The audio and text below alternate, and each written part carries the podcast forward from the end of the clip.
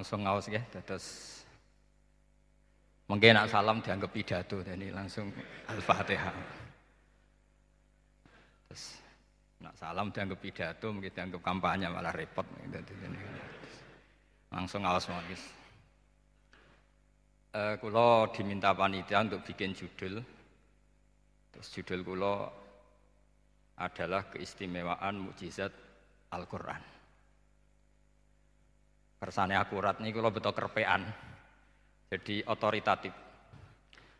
Karena kalau dalam pendapat ulama, kalau seorang mubalek atau seorang ulama atau siapa saja, kok ngomong tanpa teks itu dia tersangka sebagai musyarek. Musyarek itu menandingi syariatnya Rasulullah Shallallahu Alaihi Wasallam uh, dengan pikiran-pikirannya, dengan jargon-jargonnya. Jadi itu masalah besar kalau dalam tradisi ulama karena pikirannya tidak musalsal, tidak ada silsilahnya ila Rasulillah Shallallahu Alaihi Wasallam. Makanya saya meskipun banyak orang percaya ngaji di mana-mana itu bawa kitab. Satu ya tadi niat ngerpek tadi supaya uh, saya dulu masih ingat zaman di sarang itu kalau tes itu banyak yang bawa kitab. Ketika ditanya, ini namanya ngerpek, Enggak Pak, mutolaah itu tanpa batas. Jadi mutolaah itu kapan saja. Uh, yang agak kriminal itu kasus ujian nasional. Itu ada seorang guru SD. Ini kisah nyata, ingin membocorkan ujian apa? Nasional. Itu kan jelas kriminal itu. Uh, si guru SD tadi berdalih gini, wong ujiannya mungkar nakir saja dibocorkan, apalagi ini ujian negara. Karena semua kiai itu kan mengajari kita marrobuka waman nabi. Itu kan mengecewakan mungkar nakir. Artinya kan membocorkan membocorkan ujian. Singkat cerita kiai tadi itu guru tadi kalau nggak percaya tanya Gus Bah. Akhirnya rombongan guru SD tanya ke saya. Apa betul Gus ujian boleh dibocorkan? Analoginya kiai-kiai bocorkan ujiannya siapa? Mungkar nakir. Karena saya ya NKRI harga mati saya bilang tertawa-tawa kalau saya jawab gak kriminal dimarahin polisi. Kalau saya jawab kriminal, analoginya dengan mungkar nakir memang yang membocorkan itu apa? Gak usah diteruskan kalau saya bilang boleh nanti jadi kriminal. Dan agama ini adalah analogi. Analogi itu kias. Sehingga saya di sini insya Allah serius sekali membawa makalah mujizatnya Quran. E, kenapa demikian? Memang Eh, saya merasakan dan semua yang hadir di sini pasti merasakan bahwa mukjizatnya Quran itu luar biasa sehingga kita satu-satunya umat yang enggak ditunggui Rasul tapi kualitas iman kita insya Allah menyamai periode-periode sahabatnya Rasulullah Sallallahu Alaihi Wasallam. Tapi syaratnya tadi ya, dengan pikiran yang sama, dengan teks yang sama, dengan rasa yang sama, dengan kejiwaan yang sama. Caranya gimana supaya sama? Kita harus terus membaca teks Tak itu mengingatkan kita. Misalnya begini, yang dikatakan mukjizat itu kan sesuatu dahsyat yang dalam nalar manusia itu nggak mungkin terjadi. Misalnya ontanya Nabi Soleh keluar dari batu besar itu kan satu peristiwa yang akal manusia tidak sampai. Begitu juga tongkatnya Nabi Musa membelah Laut Merah yang akal manusia itu tidak sampai. Eh, tapi pikiran itu menurut madhab kita, kita-kita yang waras ini, saya ulang lagi kita-kita yang waras itu itu pikiran kriminal itu salah. Saya ulang lagi ya, kita semua kan umatnya Rasulullah Shallallahu Alaihi Wasallam. Semoga benar-benar umatnya Nabi, bukan Islam yang kumat. Karena orang Islam itu pilihannya hanya dua, kalau nggak bersatu semat Islam ya Islam yang kumat. Kumat itu agak gitu, namanya kumat dalam bahasa Jawa. Begini, saya ulang lagi ya. Yang dikatakan mukjizat itu amrun khorikun lil adat sesuatu yang luar biasa, kemudian dalam tanda kutip yang manusia itu tidak mampu. Sehingga itu dikatakan mukjizat seperti tongkat apa? Tongkatnya Nabi Musa dan untanya Nabi Nuh yang keluar dari batu apa? Besar. Kalau kalian ingin jadi wali, pikiran seperti itu tidak akan jadi wali. Gagal itu di KPU gagal. Jadi nggak usah sampai MK di KPU sudah gagal. Eh, kenapa demikian? Pertanyaannya begini. Memangnya sesuatu yang wajar kita lihat keseharian itu dalam kemampuan manusia. Saya ulang lagi. Memangnya sesuatu yang biasa saja, yang normal saja itu dalam kemampuan Manusia enggak juga kan. Manusia bisa enggak bikin unta? Yang wajar saja, yang lewat indukan. Bisa enggak? Enggak kan? Manusia bisa bikin laut enggak? Enggak kan? Jadi kalau mukjizat itu dengan definisi sesuatu yang manusia tidak mampu, memangnya keseharian alam ini manusia mampu? Enggak juga kan? Nah, karena agama Islam dengan logika itu Rasulullah Shallallahu Alaihi Wasallam menolak mukjizat yang seperti itu, ya menolak mukjizat yang seperti itu. Makanya saya bilang pikiran pertama tadi itu kriminal karena itu ditolak oleh Rasulullah Shallallahu Alaihi Wasallam. Karena ya itu tadi, kalau itu dituruti, lama-lama kita tidak tahu kedahsatan ciptaan Allah keseharian.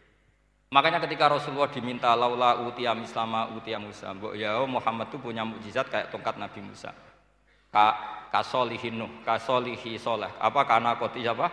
Soleh. Sebagaimana untanya Nabi Soleh. Apa jawabnya Allah? Wa ma min dabatin fil ardi wala ta'iri yatiru bi janahihi illa umamun amsalukum. Bagian dijawab inna fi khalqis samawati wal ardi wa ikhtilafil laili wan nahar sampai saat terusnya wa tasrifir saat terusnya la ayatil liqaumi yaqilun. Karena logika yang terbangun begini. Dan ini saya ulang lagi ini syarat utama jadi wali. Ini masih satu poin. Nanti ACC-nya nunggu ketua-ketuanya. Tapi kamu jangan bayangkan wali itu kayak Sunan Kudus tunda. Jadi kalau kamu jadi wali itu maknanya Kullu mukminin wali Allah itu kan banyak. Setiap mukmin itu walinya Tapi maknanya gini, wali wahi wong sing bisa ini Allah itu. Jadi gak usah dimaknani kekasih Allah. ya. Jadi karena dalam bahasa Arab itu waliul yatim adalah orang yang kasihan sama anak yatim sehingga diurus segala keperluannya. Perempuan yang perawan punya bapak namanya apa? Wali. Artinya si bapak sayang sama putrinya disebut apa? Wali. Jadi nanti kalau kamu jadi wali dengan makna yang tadi kullu mukminin wali. Setiap mukmin adalah orang yang dikasihani Allah dan insya Allah semua kita masuk, paham ya? Ya, enggak wali songo itu baru maknanya wali wa sing di sayang Allah. Kayaknya kita belum daftar yang ke situ nanti itu, ada urutannya. Saya ulang lagi ya. Kalau kita mengakui kudrohnya Allah nunggu mukjizat, yaitu nunggu tongkatnya Nabi Musa membelah laut merah, nunggu ada unta keluar dari batu. Maka itu kecelakaan besar dalam tauhid, kecelakaan besar dalam kesaksian kudrotullah. Kenapa? Karena alam yang kita lihat keseharian juga tidak dalam kemampuan kita. Apa? Alam yang kita lihat keseharian juga tidak dalam kemampuan kita. Misalnya begini. Kalau kamu melihat nyamuk, itu pertama Quran turun tentang nyamuk. Itu orang munafik komentar, wah Tuhannya Muhammad kurangan stok. Sampai contoh saja hanya seekor nyamuk. Tapi apa kata Allah? Inna woha la yastahi ayyadriba masalam ma ba'udatan fama. Nyamuk itu bukan sekedar kecilnya. Tidak usah kamu bikin nyamuk yang ada nyawanya, itu terlalu sulit. Sampai semua tak suruh bikin patungnya nyamuk. Gampang mana bikin patung nyamuk sama gajah? Gak usah dikasih nyawa. Terus cari tatahnya itu dari mana? Orang Jepara pun tidak akan bisa. Belum nanti bentuk alat kelaminnya. Belum nanti uratnya alat kelamin. Belum nanti punya jantung, jantung punya urat. Jantungnya nyamuk juga punya kuman. Kumannya juga punya organ tubuh. Organ tubuhnya punya urat. Apa itu tidak lebih dahsyat ketimbang tontonan mukjizat yang diperagakan para nabi-nabi sebelum Rasulullah Shallallahu Alaihi Wasallam? Maka sebetulnya ketika Quran saya katakan mukjizat ila yaumil kiamah adalah pertunjukan Allah bikin nyamuk. Inna la yastahi ayyadriba masalam ma Itu bagi orang alim percontohan nyamuk itu lebih dahsyat ketimbang percontohan mukjizat Nabi Musa membelah laut merah. Juga lebih dahsyat ketimbang pertunjukan Nabi Soleh ketika mengeluarkan unta dari apa? Batu. Dong, jelas nih. Maka umat Rasulullah, terutama ulamanya harus ngomong seperti ini terus. Dengan cerita seperti ini, maka Quran jauh lebih dahsyat. Makanya mukjizatnya Quran tanpa apa bah? batas. Jelas ya? Makanya kita harus bertobat secara masif. Mengatakan kedahsatan adalah nunggu sesuatu yang khorikun lil ada. Bahwa yang kita lihat keseharian adalah semua di luar kemampuan kita. Lah kita kita ini kan keliru yaitu tadi. Wah, onta keluar dari apa? Batu. Laut merah terbelah ini dahsyat manusia tidak akan mampu. Memangnya manusia pernah mampu bikin laut? Memangnya manusia pernah mampu bikin nyamuk? Memangnya manusia pernah mampu bikin telur ayam? Karena keseharian seakan-akan ini tidak ayatnya Allah Ta'ala. Itu kebodohan. Makanya tidak mungkin jadi wali. Yang jenis seperti ini ya gak jadi wali. Sama tenang saja, nanti saya paling nggak sampai satu jam, karena saya tidak biasa ngaji umum. Saya mau itu karena hormati bapak saya, karena buyut saya itu orang Damaran, namanya Mbak Hafso. Hafso binti Maksum bin Soleh bin Asnawi Sepuh. Jadi saya ini ya turunan asli orang Kudus. Jadi saya datang tidak dalam rangka hormat jenengan hormat bapak saya sendiri sebetulnya. Jadi jenengan tidak punya hak adami sama saya, karena saya datang tuh hormat bapak saya. Tapi saya ingin melatih iman yang benar. Saya ulang lagi, saya ingin melatih iman yang benar karena ini penting. Sehingga Allah cara menjelaskan iman itu aja inna fi khalqis samawati wal ardi. Kamu lihat saja langit dan bumi.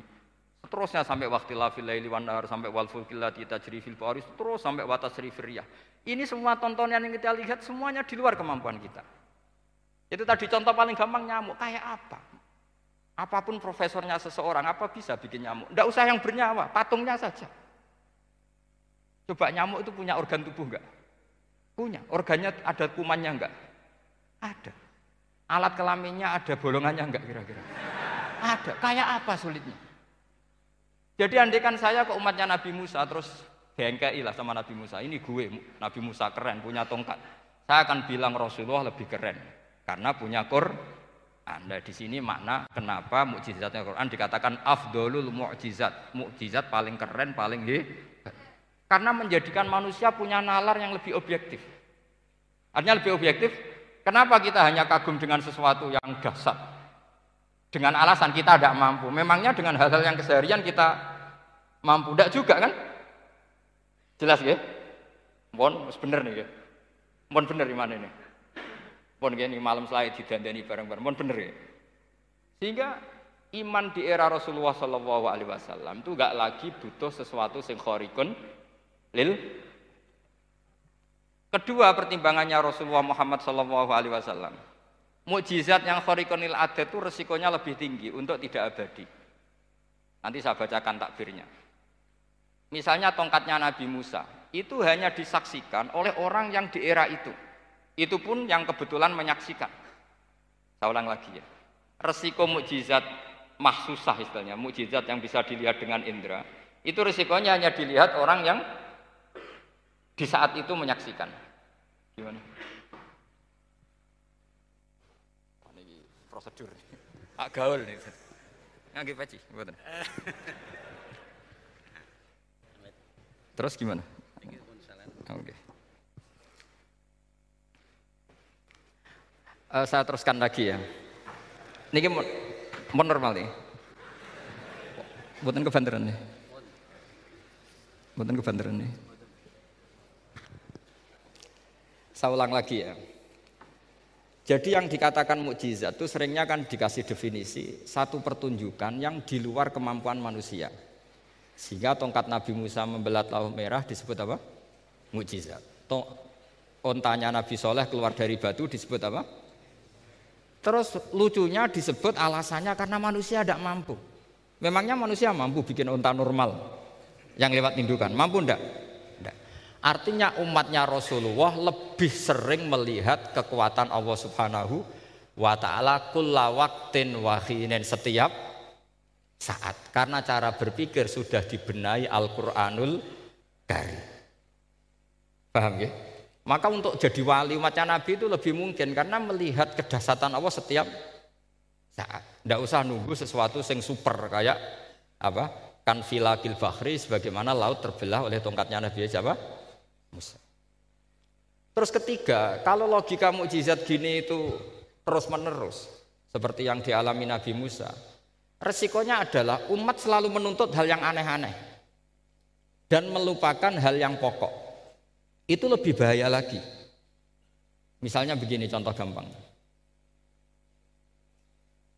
Kita ini hidup di bumi setelah sampai belajar ilmu falak atau astronomi atau belajar geologi planet yang sebesar ini apa. Semuanya itu sudah maha dasar.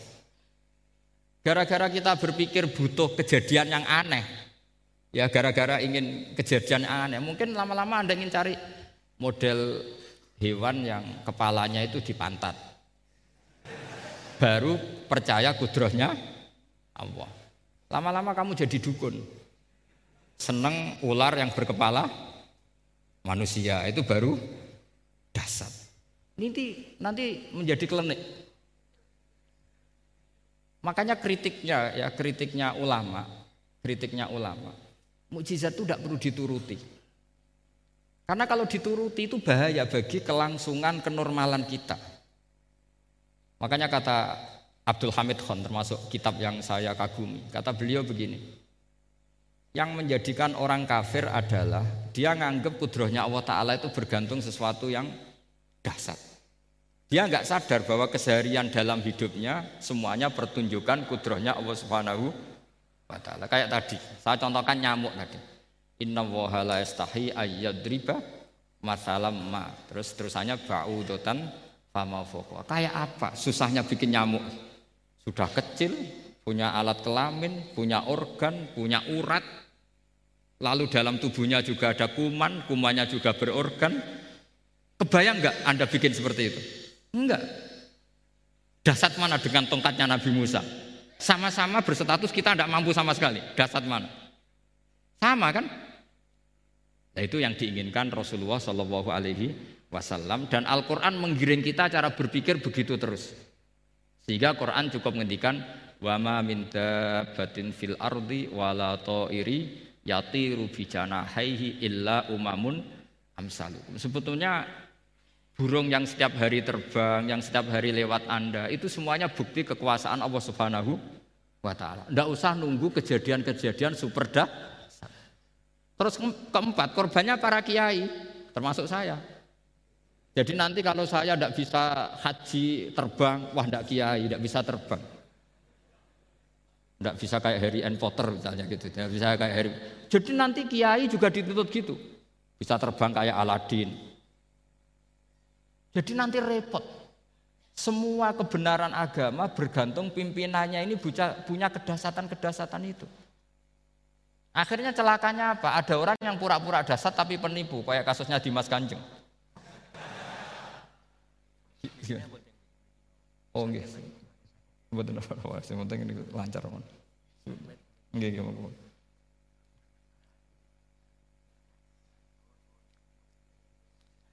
Jadi makanya nanti itu saya akan memberi penjelasan tentang apa? Mukjizatnya Al-Qur'an kenapa disebut mukjizat paling apa dah dasar. Ini saya bacakan tag ya, tag pokoknya ya supaya sampean tahu. Ini tabaruk sama Imam Bukhari ya. Eh, redaksi yang diriwayatkan Imam Bukhari, qala Nabi sallallahu alaihi wasallam ini ikut kita Bufado Ilil Quran. Ma minal anbiya inabiyun illa u'tiya minal ayat ma misluhu amana alaihil bashar. Wa inna ma kana alladhi utituhu wahyan awhahu wa ilayya fa arju an akuna aktsarahum tabi'an yaumal qiyamah. Jadi semua nabi punya mukjizat, yang lewat mukjizat itu orang dipaksa iman. Karena dahsyat tadi. Saking dahsyatnya terus cocok tidak cocok itu percaya. Tapi kata Rasulullah, mukjizat saya itu berupa wahyu yaitu Al-Qur'an dan saya berharap dengan mukjizat itu saya adalah nabi paling banyak pengaruhnya yaumal kiamah. Maknanya paling banyak orang yang iman. Terus di sini dikomentari oleh sarehnya ya, oleh penyarahnya yaitu Ibnu Hajar al Asqalani. Ya saya baca Arabnya saja. Sama harus pura-pura paham jadi keren. Jangan jangan minta saya terjemah nanti harus pura-pura paham. Bagus kok, mantas sabahabi komen bahwa minhum. Jadi bergaya orang kaya ya dikira apa? kaya. Bergaya ulama ya dikira apa? Ulama. Nanti bergaya wali juga dikira wali. Eh, saya baca ya, ini luar biasa menurut saya. Al makna annal mu'jizati al madiyata kanat khisyatan tusyahadu bil absor kana koti soleh wa aso Musa. Wa mu'jizatul Qur'ani tusyahadu bil basirah. Jadi kayak tadi, kedasatan tongkat Musa itu karena apa? Laut kok bisa dibelah sebuah tongkat. Itu aneh. Kalau maknanya aneh adalah di luar kemampuan manusia, nyamuk lebih aneh. Kayak apa susahnya bikin organ apa? Nyamuk yang sekecil itu. Artinya bedanya apa? Tongkatnya Nabi Musa dengan pertunjukan nyamuk yang sama-sama mengarah satu titik yaitu mengakui absolutisme kudrohnya Allah Subhanahu sama ndak? Sama. Sehingga umatnya Rasulullah tidak perlu ditunggoni mukjizat sim salah bim. Cukup penalaran akal. Ini namanya basiroh apa? Basiroh. Nggak jelas ya? Mohon sampean ra usah roh Nabi Musa toh. Cekap melihat apa? Nyamuk. Ya sudah, sudah bagus, sudah, sudah. Sudah maju, sudah, sudah. Sudah keren. Ya jelas ya.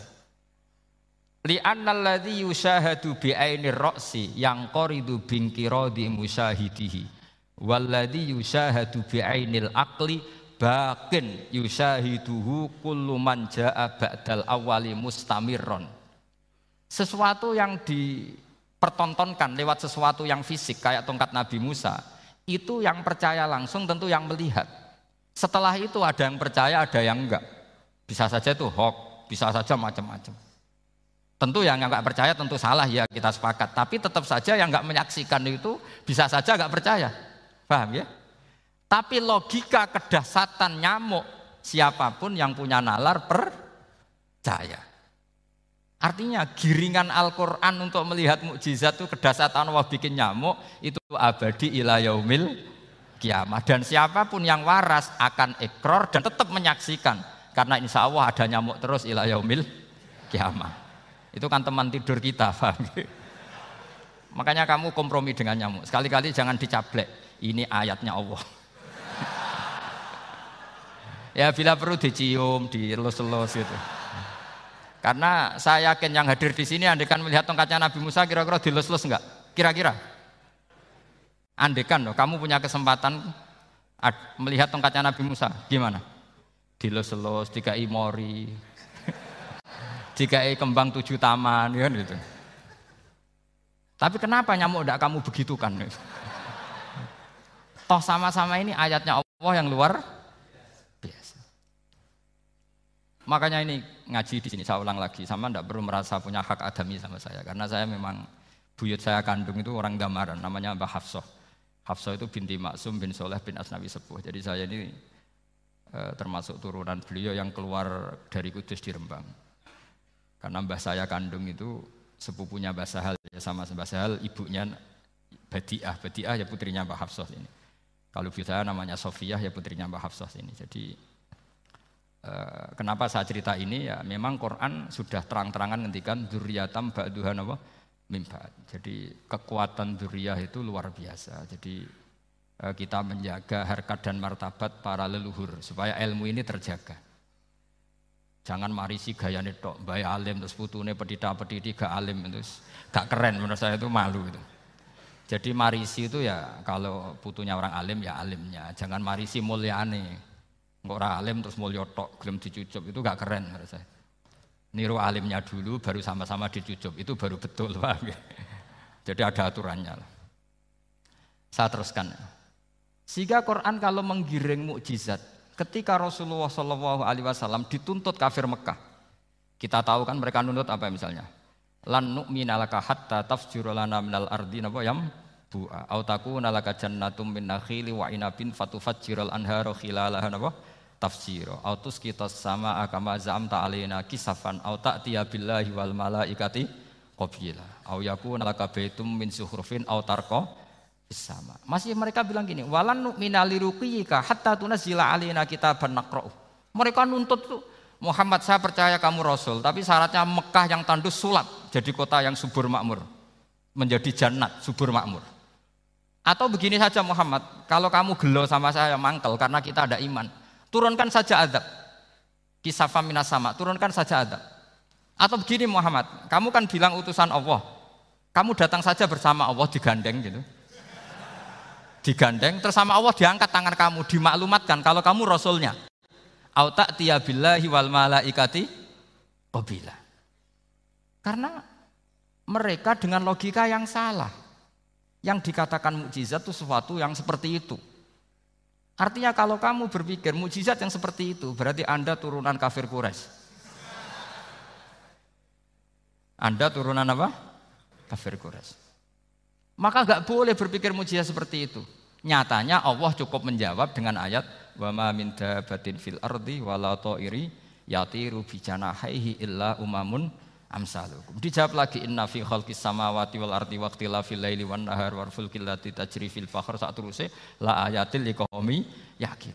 Semudah itu kita iman kedahsatan kudrohnya Allah. Cukup melihat kerbau.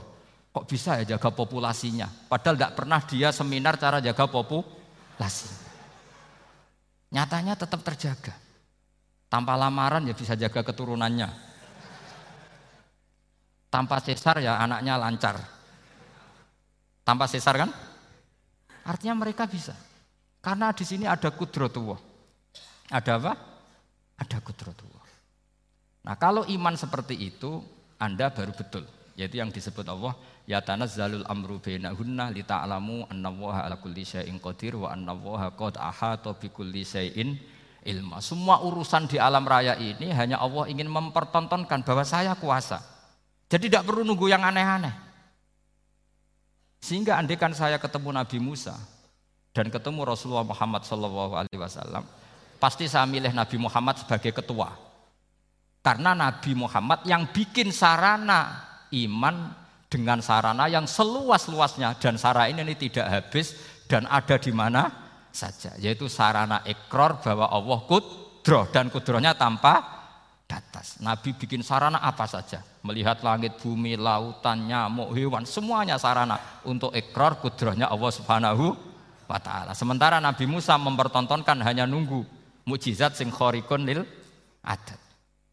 Paham ya? Makanya wajar kalau Nabi bergelar afdolul Ambiya sayyidul awalin wal akhirin. Karena memang lebih efektif cara menggiring supaya orang iman. Sekarang sudah tahu kenapa Nabi jadi sayyidul awalin wal akhirin. Sudah. Mungkin kemarin-kemarin tahu tapi gak tahu logikanya. Pokok iman. Selewat ke musola ngaji iman. Itu iman yang kurang betul itu karena tanpa nador itu namanya taklid yang statusnya mukhtalaf aleh masih disidangkan di MK paham ya? iman jadi iman taklid itu iman yang masih disidangkan oleh para ulama ada hakim yang bilang sah ada hakim bilang tidak tanya anak-anak kudsiyah imanul muqallid itu mukhtalaf aleh apa mujma' aleh mukhtalaf aleh kalau imanu ahli nazar mujma' aleh insya Allah barokahnya ngaji ini semuanya min ahli nazar apa min ahlin jangan amin sudah jadi ini sudah sudah sudah jadi ini. Kalau amin kan masih berdoa, bisa makbul, bisa ndak. Enggak boleh iman kok. Ayo iman kepada Allah dan Rasul, amin, enggak boleh. Sesuatu yang pasti enggak boleh diamini, itu kan jadi kacau nanti. Harus bilang apa? Sami'na wa Nanti lama-lama kamu disuruh Allah, ayo sholat, amin. Enggak boleh, jadi amin itu ada itu. Ada aturannya. Tapi bukan berarti saya nyalahkan jenengan enggak. Ya memang salah gitu. Jadi jadi kan. jadi kan. Ya saya memang statusnya salah. Ya saya ulang lagi ya. Berarti Rasulullah adalah rasul yang sukses membuat sarana orang kembali ke Allah, mengakui kudrohnya Allah dengan sarana apa saja, melihat rumput, melihat hewan dan hewan itu ya apa saja. Gabah itu apa saja. Hewan yang melata di bumi apa saja, semua bukti kudrohnya Allah. Bahkan Rasulullah sukses membiarkan umatnya nggak ditunggui beliau tetap iman. Mergo ditunggui konsep sing super gini kok Al-Qur'anul Karim. Jelas ya? Tapi caranya memahami ya seperti yang saya terangkan ini. Ya saya baca lagi ya yang jadi Annal mu'jizati pakai jama anas salim. Annal mu'jizati al madiyata. Mukjizat-mukjizat yang sudah kelewat itu kanat khisiatan bersifat fisik. Tusyahadu bil absor hanya bisa dilihat dengan mata kepala. Karena koti soleh wa aso Musa. Wa mu'jizatul Qur'ani tusyahadu bil basiroh. Sementara mukjizatnya Quran disaksikan dengan mata hati dan setiap orang punya mata hati. Fayakunu man yattabi'uhu li ajliha aksar. Li annalladzi yusahadu bi ainir ra'si yang qaridu bin di musyahidihi. Walladzi yusahadu bi ainil aqli bakin. Yusahiduhu kullu man ja'a ba'dal awal mustamirron. Sesuatu yang dilihat dengan mata kepala Setelah para saksi ini meninggal, maka setelahnya mencari-cari, bisa percaya, bisa enggak. Tapi mukjizat yang disaksikan mata hati, siapa pun percaya dan sampai ila yaumil kiamat. Dan tentu Quran lebih unggul dalam hal ini. Dan insya Allah kita semua adalah ahli Quran. Yaitu harus punya kesimpulan falam mata bayana lahu qala a'lamu annallaha ala kulli syai'in qadir. Sebagian ayat wa li ta'lamu anna waha ala kulli syai'in qadir wa anna waha qad ahata bi kulli syai'in ilmu. Itu kenapa mukjizat Al-Qur'an dasar. Itu yang gampang-gampang ya, melihat nyamuk, unta, kerbau itu yang gampang. Anda tak naikkan kelas sedikit menjadi agak ilmiah. Misalnya begini, kamu ahli falak. Misalnya kamu ahli falak. Misalnya kayak batu rehan ya. Itu pasti tahu kalau matahari dan rembulan dibikin Allah itu asyam suwal komaru bihusban. Bahwa matahari dan rembulan dibikin ini untuk hisab. Walladzi ja'ala syamsa dia awal qamara nura wa qaddarahu manazila li ta'lamu adada sinina wal hisab. Sehingga ketika ternyata betul samsiah bisa dihitung menjadi tahun samsiah. Yang oleh bahasa milenial disebut Masihiyah. Sayyidina Umar agak tersinggung. Sebetulnya yang namanya hisab itu tidak ada hubungannya dengan masehi dan hijriyah itu nggak ada. Semua berdasar matahari atau apa? Rembulan. Lah sialnya yang samsiah ini oleh bahasa internasional disebut apa? Masehiyah. Makanya Sayyidina Umar marah terus bilang ya sudah kalau gitu Komariah bikin apa? Hijriyah. Jadi itu sebenarnya nama politik.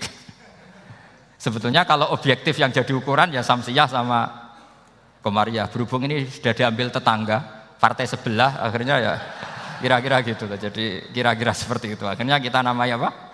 Hijriah, apa Samsiyah sama apa? Hijriah. Sebetulnya yang yang asli ya Samsiyah, Komariah. Tapi nggak apa-apa lah. Dunia itu mesti ada ada politiknya.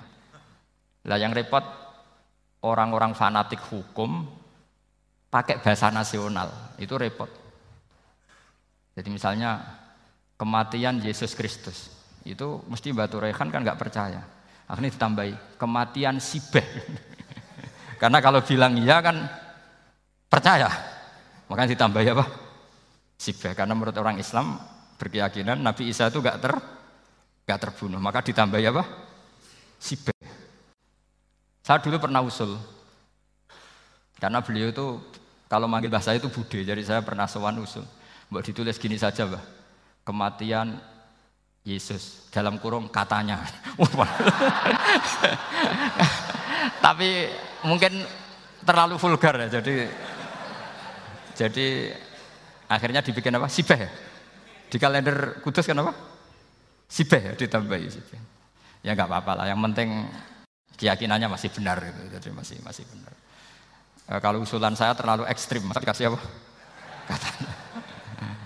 Ya karena memang begitu kan kita berkeyakinan Nabi Isa itu gak terbunuh. Wama kotaluhu, wama solabuhu, walakin syubbihalahu. Jadi ini saya teruskan. Ini paling masih seberapa jam ini. Kalau kelamaan sampai andolim itu ganggu kiai lama-lama. Gitu. saya tadi sudah bilang sama panitia, orang Indonesia itu gak sopan. Kalau suka kiai itu didatangkan itu agak masalah sebetulnya. Dalam etika itu masalah. Kalau seneng kiai ya sowan ngaji. Jangan sowan di dalam itu ganggu ya, sowan ngaji saja.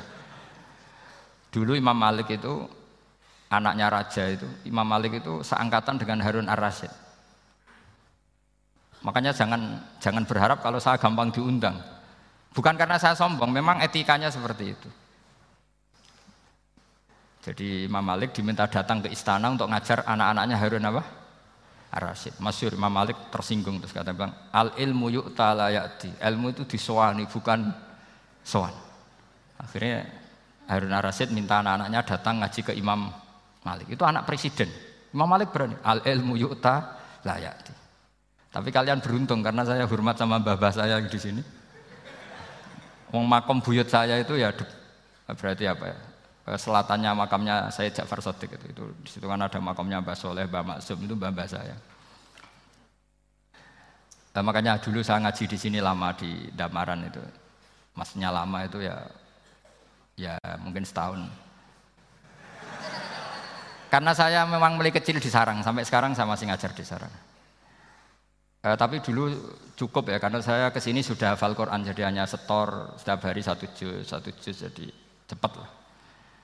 Saya tidak punya masalah ingatan, alhamdulillah, jadi cepat, cepat, cepat hafal. Saya terangkan lagi ya, ini penting ya, masalah mukjizatnya Quran. Selama ini orang tuh mau bilang tok, mukjizatnya Quran itu dasar, dasar, tapi nggak bisa menerangkan. Itu masalah. Makanya kita harus bisa menerangkan mukjizatnya Al-Quran dasar itu apanya. Yaitu tadi, tongkatnya Nabi Musa hanya disaksikan oleh orang yang di era itu. Toh tujuannya mukjizat adalah diakui kemudian orang menjadi iman. Lalu Rasulullah Shallallahu Alaihi Wasallam beliau sudah intakola ila rofiqil a'la. Tapi konsepnya Quran menjadikan orang yang nggak ditunggui beliau tetap iman ila yaumil kiamah itu yang maksud fa'arju an aku na aktsarahum tabi'an yaumal kiamah. Mukjizat saya cukup Quran kata Nabi dan dengan mukjizat itu orang akan iman ila yaumil. Caranya seperti ini. Karena tadi sedasat-dasarnya mukjizat tujuan utama orang terdikte supaya ekror ngakui kudrohnya Allah. Lah ngono kok ngenteni tongkat sakti lah opo, cukup deloknya mau. Paham ya? Jelas ya? Alhamdulillah mau naik kelas ini sudah benar ini sudah benar. Terus kedua begini, kedasatan Quran lagi. Quran itu bisa merunut, mentartibkan logika. Bahkan logika ini logika yang universal. Siapa saja merasakan logika itu. Misalnya begini. Dulu orang kafir itu punya Tuhan banyak. Tentu yang dipertuhankan ya mana? Yang dipertuhankan itu banyak. Karena pikiran mereka urusan banyak, problem banyak, ya Tuhannya harus banyak. Ada BPKB 3D kan, istri cerewet, macam-macam lah itu kan. Problemnya banyak, maka Tuhannya harus banyak. Karena Tuhan itu maknanya penyelesai masalah. Sehingga kalau masalahnya banyak, Tuhan harus banyak. Ketika Rasulullah membawa konsep satu Tuhan, mereka janggal. Makanya mereka bilang, Aja'alal alihata ilaha wahida inna hadala syai'un ujab. Masa Tuhan satu? Ini aneh, nggak bisa. Tuhan harus banyak, karena masalah kita banyak. Itu terpatri, di otak mereka terpatri. Lalu Nabi dengan santai diajari Allah menerangkan. Andaikan kalian punya majikan banyak dan perintahnya beda-beda, kamu suka enggak? Ya enggak suka, mat, enggak enak. Punya majikan banyak itu udah enak. Milih mana majikan banyak sama satu? Satu aja, mat. Tuhan kamu adalah majikan kamu. Kalau banyak kamu bingung. Ya mat satu aja, satu aja. Itu segampang itu. Jadi menggiring Tuhan itu kan bos kita, tuan kita. Kalau banyak berarti yang memerintah kita banyak dan bisa konflik bos-bos kita ini karena berebut anak buah tadi. Akhirnya mereka, kalau kamu punya majikan banyak dan perintahnya beda-beda, semuanya minta dilayani. Kamu pusing enggak? Ya pusing, Mat. Minta mana? Majikan banyak sama satu. Satu saja Muhammad ya Tuhan kamu adalah atasan kamu, maka harus satu. Mereka faham, oke mat, Tuhan satu. Itu yang dimaksud dorobawaw matalar rojulan fihi syuraka umutasyakisuna wa rojulan salamal lirojul hal yastawiyani masalah langsung alhamdulillah karena mereka yang paling bodoh pun faham dengan logika itu faham kalau Tuhan banyak perintahnya banyak kita repot maka Allah bikin satu masalan yaitu rojulan fihi syuraka umutasyakisuna wa rojulan salamal dirojul. Satu lelaki, satu bos, satu perintah. Kayak apa mudahnya Allah. Kemudian mereka tetap menuhankan Lata, Hubal, dan Uzza. Karena mereka dipertuhankan. Sebenarnya nggak pernah Tuhan, tapi dipertuhankan. Allah memberi contoh itu sederhana sekali. Wadorobawahu masalah rojulaini ahaduhuma abkam la yaqdiru ala syai'i wa huwa kallun ala maulah aina ma yuwajjihu la ya'ti bi khair hal yastawi huwa may ya'muru bil kata kata kata Rasulullah Lata itu menurut kamu apa? Ya Tuhan kami Muhammad Hubal ya Tuhan kami Uzal ya Tuhan kami Lalu kalau mereka kotor ya saya mandikan Kalau hidungnya coplok ya saya tata Terus kata kata Rasulullah begini Kamu mau nggak punya budak atau pembantu yang buta, tuli, bisu? Kamu mau nggak punya pembantu? Pembantu loh ya, pembantu itu budak zaman dulu. Kamu mau nggak punya pembantu yang buta, yang tuli, yang bisu? Wah gak doyan, mat. Apa pembantu ngono Yang pembantu saja kamu tidak mau yang gitu kok malah punya bos begitu. Orang yang tuli, yang bisu, yang kopok, jadi pembantu saja nggak layak kok malah jadi pangeran. Paham ya? Arca dan berhala itu kan nggak bisa apa-apa. Kamu mau gaji ngasih THR pembantu yang kopok, bisu, picek, mau? Wong jadi pembantu saja nggak sah kok mau jadi apa? Tuhan atau jadi majikan. Jadi Allah bikin contoh gampang sekali. Wador bahwa masalah rojula ini ahaduma abkam layak kediru ala sein nggak bisa apa saja. Wawa kalun amala maulah anane ngrepoti tok. Enama yuwajihu layati bikhair. Mudah sekali. Akhirnya mereka berbondong-bondong iman. Karena logikanya ditata oleh logika Al-Quran. Makanya agama ini sebenarnya nggak pernah datang dengan kekerasan itu tidak pernah. Bil hujjah dengan argumentasi itu disebut kul falillahil hujjatul balik. Nah sekarang orang rapati soal argumentasi, senengannya neror. Nah, itu rapati ngaji. Sebenarnya agama ini mudah. Adinu yusron, agama ini mudah. Logikanya gampang. Untuk tidak menuhankan Yesus atau Isa. Quran juga datang dengan penjelasan yang enggak jelimet. Yang gampang saja. Kata Allah, mal masih ibnu Maryam illa rasul qad khalas min qablihir rusul wa ummuhu siddiqah kana yakulanit. Kok arani pangeran piye? Nek mangan ya lesu. Kamu kebayang enggak misalnya punya Tuhan Terus mbok gratisi pas marung. Terus kamu bangga, Alhamdulillah tadi habis ngurasi Tuhan. Tadi kelihatannya kelaparan, tak gratisi senangnya bukan main. Kamu mau punya Tuhan yang seperti itu? Mau? Enggak mau kan? Allah menjelaskan karena ya kulanit kuduyan sego artinya nak orang mangan yo lemes. Pas kamu minta ternyata Tuhannya baru lemes. Jadi Quran itu tidak sinis gak tapi menggiring logika bahwa ini tidak mungkin Tuhan. Wong kana ya kulanit. Gampang kan? Itu gampang. Gampang sekali, logika Quran itu gampang sekali. Dan masalahnya kita sekarang tidak mengkaji Quran yang sisi ini. Ya termasuk kritik kita ya, tapi ya sudahlah ini dunia ya macam-macam. Ono sing no lomba, ono sing mendukung lomba macam-macam. Saya tidak dalam posisi mendukung dan menolak. Saya nol-nol, jadi tidak ke kanan, tidak ke kiri dalam konteks tadi. Karena ya, ya sudahlah itu sudah takdir semuanya takdir. Ada yang setuju lomba, ada yang mengharamkan apa? Lomba. Tapi sebetulnya kalau kita berpikir Quran, Quran diturunkan ya untuk yang saya terangkan ini menjaga logika agama al-hujjah al-balighah ila yaumil kiamah. Karena kita tidak perlu tongkat lagi Nabi Musa, nggak perlu ontanya Nabi Soleh. Cukup dikawal aturan-aturan iman yang cukup mudah dan kita temukan di mana saja ayat-ayat itu. Yaitu wa ma min dabatin fil ardi wala iri yatiru bi janahihi illa umamun amsalukum atau inna fi khalqis samawati wal ardi dan seterusnya. Nah, cara berpikir gimana Gus? Gampang tadi. Kalau tongkat Nabi Musa membelah laut adalah hal yang kita tidak mampu. Memangnya kita mampu bikin langit bumi? Tidak mampu kan? Berarti sudah ini sudah cukup menjadi ayat kekuasaannya apa? Jelas kan? Maka mukjizat Quran ini mengawal umatnya Rasulullah Sallallahu Alaihi Wasallam ila yaumil kiamat dengan logika seperti itu. Seorang lagi dengan logika seperti itu. Maka ulama nggak boleh berhenti seperti saya ngomong terus seperti ini. Makanya ngendikane Allah, lam yakunil ladzina kafaru min ahlil kitab wal musyrikina munfakina hatta ta'tiyahumul bayina. Bayina itu apa? Rasulun minallah yatslu suhufam mutahhar. Orang kafir semuanya kata Allah, baik berkategori kafir musyrik maupun kafir ahli kitab. Itu tidak akan tercerabut dari akar kesalahan mereka, dari cara berpikir mereka hatta ta'tiyahumul bayina sehingga datang satu kejelasan yang jelas welo-welo Itu apa? Rasulum minallah yatslu suhufam mutahhar, yaitu rasulnya Allah yang membaca sahifah-sahifah suci. Maknanya Al-Qur'an.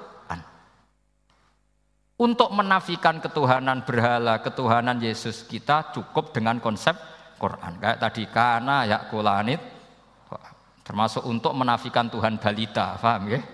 Tuhan apa? Fir'aun. Ini contoh terakhir, sampai siap-siap saja selesai. Karena saya memang mau selesai ini, bukan guyon, memang mau selesai. Karena menurut saya mukjizatnya Quran itu jelas. Jadi diterangkan seperempat jam ya jelas, 10 menit ya jelas. Kalau kamu butuh lama, berarti kamu menyangsikan kejelasan Al-Quran. Dan itu kriminal besar. Itu. Kalau nggak boleh dibahasakan murtad besar ya kriminal apa besar. Nggak ini nggak, nggak guyon betul itu.